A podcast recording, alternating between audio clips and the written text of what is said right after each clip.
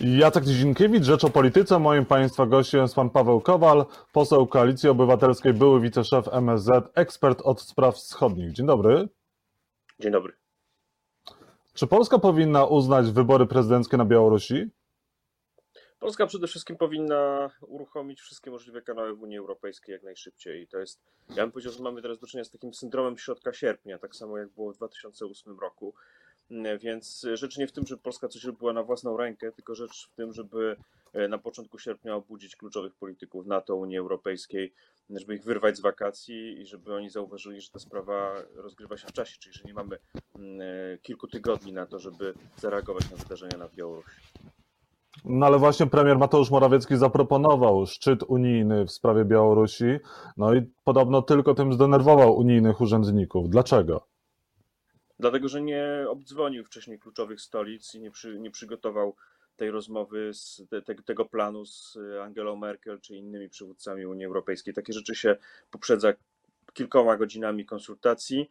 Wciąga się w to inne partie. Trzeba było wciągnąć także Donalda Tuska, moim zdaniem. Trzeba było wciągnąć do tego mm, Europejską Partię Ludową, socjalistów, użyć e, wszystkich możliwych instrumentów, a potem złożyć tę propozycję od, oficjalnie. A u nas jak zwykle wszystko odwrotnie, czyli pierwsze złożona propozycja, a później czekanie na reakcję. No, jeżeli nie było wystarczającej konsultacji, nie było pewności, że będzie pozytywna odpowiedź, nie należało składać w tym momencie tej propozycji. Czyli ta propozycja była pod publiczkę, była nieprofesjonalna, nie, było, nie była przygotowana odpowiednio ze strony dyplomatycznej i była taką zagrywką e, pokazową? Ja mogę powiedzieć, jak to wygląda od strony profesjonalnej. Taką propozycję, właśnie ze względu na moment, jaki mamy w ciągu roku, ale w ogóle ze względu na tryb Rady, pracy Rady Europejskiej, należy poprzedzić kilkoma telefonami. To jest właśnie miara skuteczności naszej dyplomacji w takich momentach, że ma się bezpośredni kontakt do kilku najważniejszych e, polityków, którzy mają na to wpływ, po to, żeby nie, nie otrzymać odpowiedzi nie po kilku godzinach. No i co teraz zrobi Unia Europejska w sprawie Białorusi? Ja uważam, że trzeba wspierać rząd nawet wtedy, kiedy popełnia błędy, akurat w tej sprawie, więc uważam, że powinna się odbywać cały czas, powinny się odbywać nieformalne, ale bardzo intensywne konsultacje na temat możliwości uruchomienia instytucji europejskich. Zresztą pewne rzeczy się udały, bo trzeba też powiedzieć na plus, że oświadczenie prezydentów Polski i Litwy, y, oświadczenie Borela wczorajsze, y, oświadczenie Ursuli von der Leyen, więc te rzeczy akurat się udały. Jakieś pierwsze ruchy udało się wykonać. Dodatkowo opór na Białorusi trwa, więc jest całe pole do negocjacji. I tu nie chodzi o to, żeby wciągać Europę w, nie wiem, we wspieranie rewolucji pod tytułem obalamy e, Łukaszenkę. Tu chodzi o to, żeby wspólnie z kluczowymi graczami w Europie mieć jakiś plan. Ten plan może być jakąś ewolucją, ten plan może być jakąś propozycją złożoną wszystkim stronom konfliktu, ale musi być jakiś plan, musi się dziać polityka. Mhm. E, a nie jest tak, że Zachód zawodzi Białoruś, zostawił Białoruś e, samej sobie, Unia Europejska e, nie zareagowała odpowiednio szybko i w dalszym ciągu nie reaguje. No, Angela Merkel no, nawet nie zareagowała, Donald Trump nawet tweeta nie poświęcił sytuacji na Białorusi.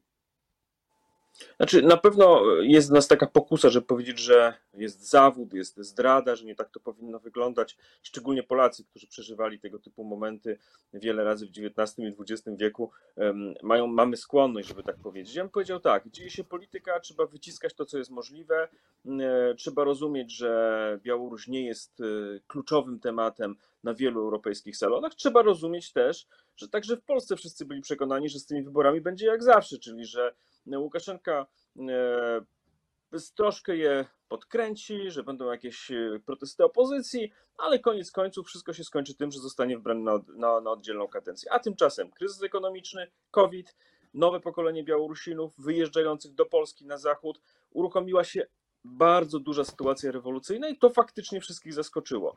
No to teraz trzeba w ramach tego zaskoczenia próbować zarządzać sytuacją. Jeśli nie będzie tego robiła Polska, jeśli nie będzie tego robiła Litwa, czyli państwa, które są najbliżej mm, Białorusi, najbardziej zainteresowane tą sytuacją na granicy Unii Europejskiej, nikt za nas tego nie zrobi. Nikt nie będzie Unii Europejskiej, przepraszam za kolokwializm, podłączał do prądu, jeśli my tego nie będziemy robili.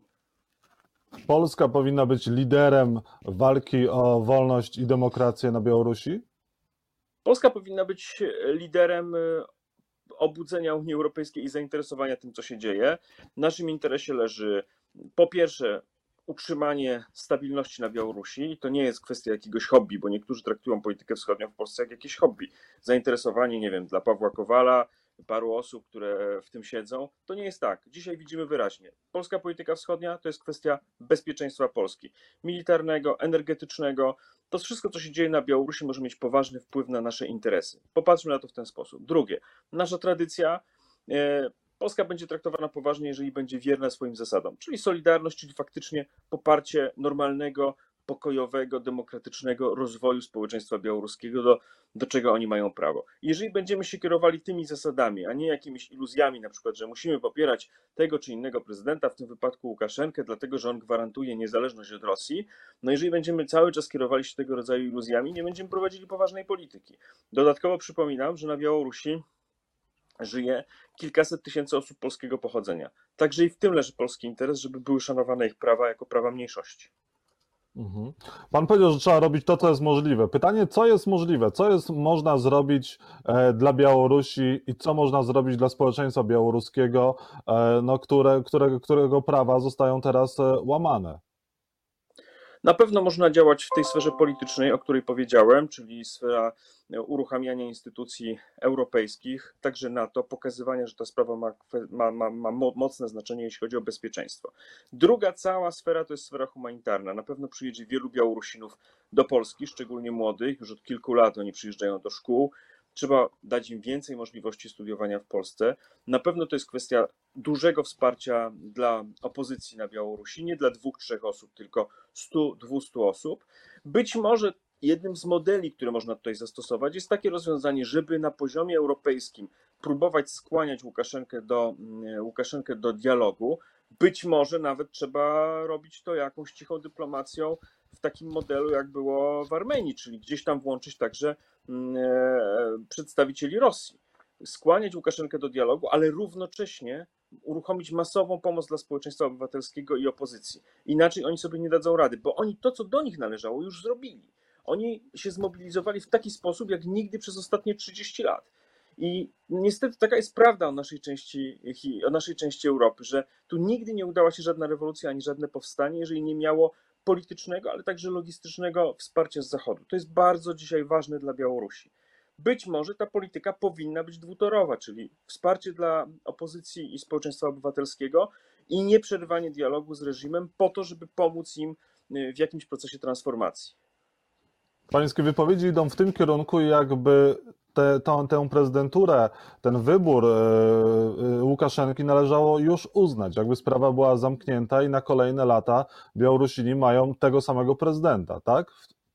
W najbliższych, w najbliższych dniach zobaczymy, jak będzie wyglądała, jak będzie się rozwijała sytuacja e, rewolucyjna, powiedzmy, na Białorusi. To nie jest kwestia, czy my uznamy prezydenta Łukaszenkę, czy nie. Na pewno jego legitymacja nie pochodzi z wyborów, bo nikt już na poważnie ani w Rosji, ani w Waszyngtonie, ani w Brukseli, ani w Warszawie nie wierzy w to, że ta legitymacja pochodzi z tego, że on dostał wyraźną większość, że przeprowadził uczciwą kampanię wyborczą. Jego legitymacja pochodzi z tego, że on jest de facto uznany międzynarodowo i Polska tu nie powinna robić nic sama na własną rękę, oraz pochodzi z tego, że on realnie rządzi w kraju, kieruje służbami, wojskiem, czyli on ma legitymację innego rodzaju, nie taką, do jakiej przywykliśmy, yy, pochodzącą z wyborów. Wybory były złe, Nikt w tej sprawie nie ma wątpliwości. Było mnóstwo nieprawidłowości, prawdopodobnie także fałszerstw. Mamy kilka tysięcy protokołów z komisji wyborczych, które po pokazują, że tendencja była głosowania na e, kontrkandydatkę Swietłanę Ciechanowską, więc tu nie ma wątpliwości. Natomiast ustalmy podstawowe fakty. Legitymacja prezydenta Łukaszenki do rządzenia pochodzi z innych, wynika z innych powodów. Po prostu z tego, że jest uznany i że trzyma lejce w swoim kraju. No dobrze, ale Polska i Unia Europejska, Zachód mają uznać e, prezydenta Łukaszenkę po sfałszowanych wyborach? Ale on nie ma, nie ma takiego pytania, czy ktoś go uzna, czy nie. To, to jest tak, jakbyśmy pytali, nie wiem, w latach 60., czy ktoś uznaje Gomułkę, czy nie uznaje Gomułki. Gomułka po prostu realnie rządził w Polsce i, i, sytua- i prawo międzynarodowe, czy praktyka międzynarodowa zna mnóstwo takich sytuacji. Nikt się nie zadaje tego pytania. Jeśli będzie to pytanie, Polska się powinna do niego włączyć. Ale naszym, tak jak powiedziałem, istotą naszego zaangażowania nie powinno być w takim złym rozumieniu tego słowa wychodzenie przed szereg, ale aktywizowanie istotnych instytucji międzynarodowych, których nacisk polityczny, gospodarczy, moralny może mieć znaczenie.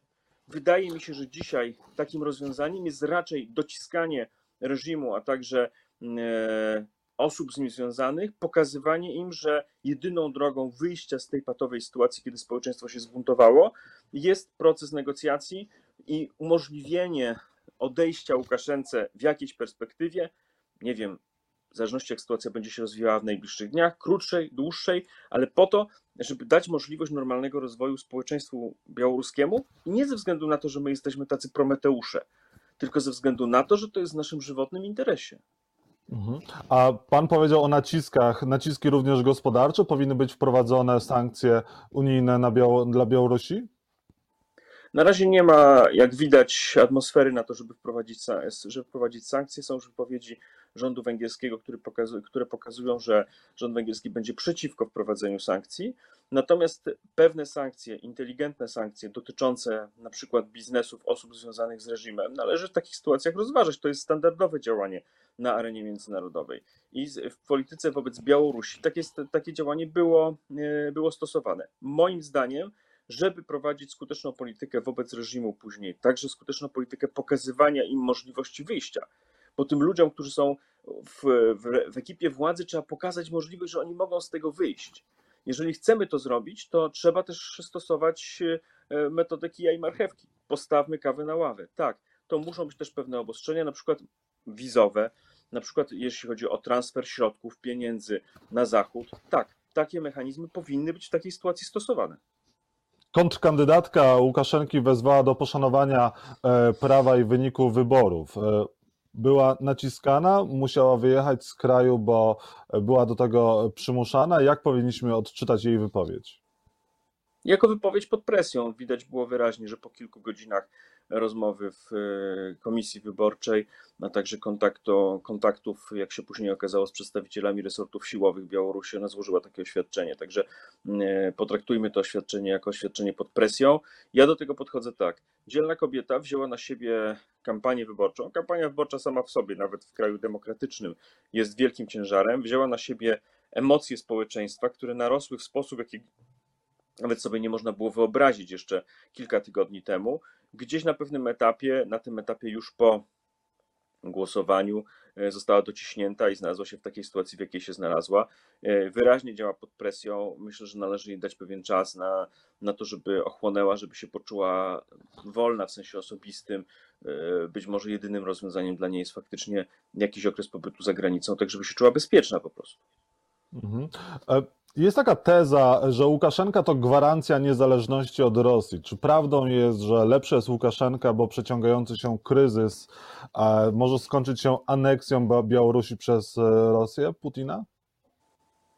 Ta teza nie ma żadnego sensu, dlatego że, tak jak powiedziałem, nasze, to, nie powin, to nie powinno być celem naszej polityki e, wiem, pomaganie temu czy innemu e, prezydentowi na wschodzie. Celem naszej polityki powinny być interesy polskie, interesy Polaków na wschodzie y, i do tych interesów się odnośmy. Jeżeli ktoś popatrzy na ostatnie 20 parę lat rządów Łukaszenki i będzie patrzył na fakty, a nie na deklaracje, nie da rady udowodnić tezy, że Aleksandr Łukaszenka jest jakimś istotnym gwarantem e, niezależności Białorusi. To jest pułapka myślowa. Wiele osób, wielu, wiele osób w to wpada.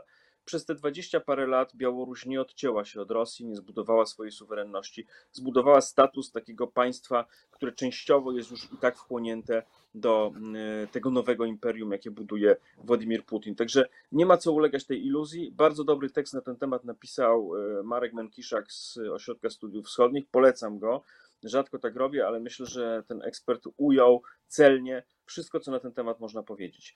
Mi się wydaje, że najbardziej trafną polityką byłoby to, o czym powiedziałem, czyli próba e, stosowania metody kija i marchewki, krok po kroku rozmontowywania reżimu, ale pokazywania też członkom tego reżimu, że mają możliwość wyjścia z sytuacji, w której się znaleźli, dopilnowanie do tego, żeby przerwać e, ataki na opozycję, stosowanie terroru na ulicach itd., tak itd. Tak to jeśli chodzi o, o taktykę, a strategicznie należy w dużym stopniu wesprzeć środowiska niezależne i liderów opozycji, ale tak jak powiedziałem, nie dwie, trzy osoby, tylko znacznie szerzej.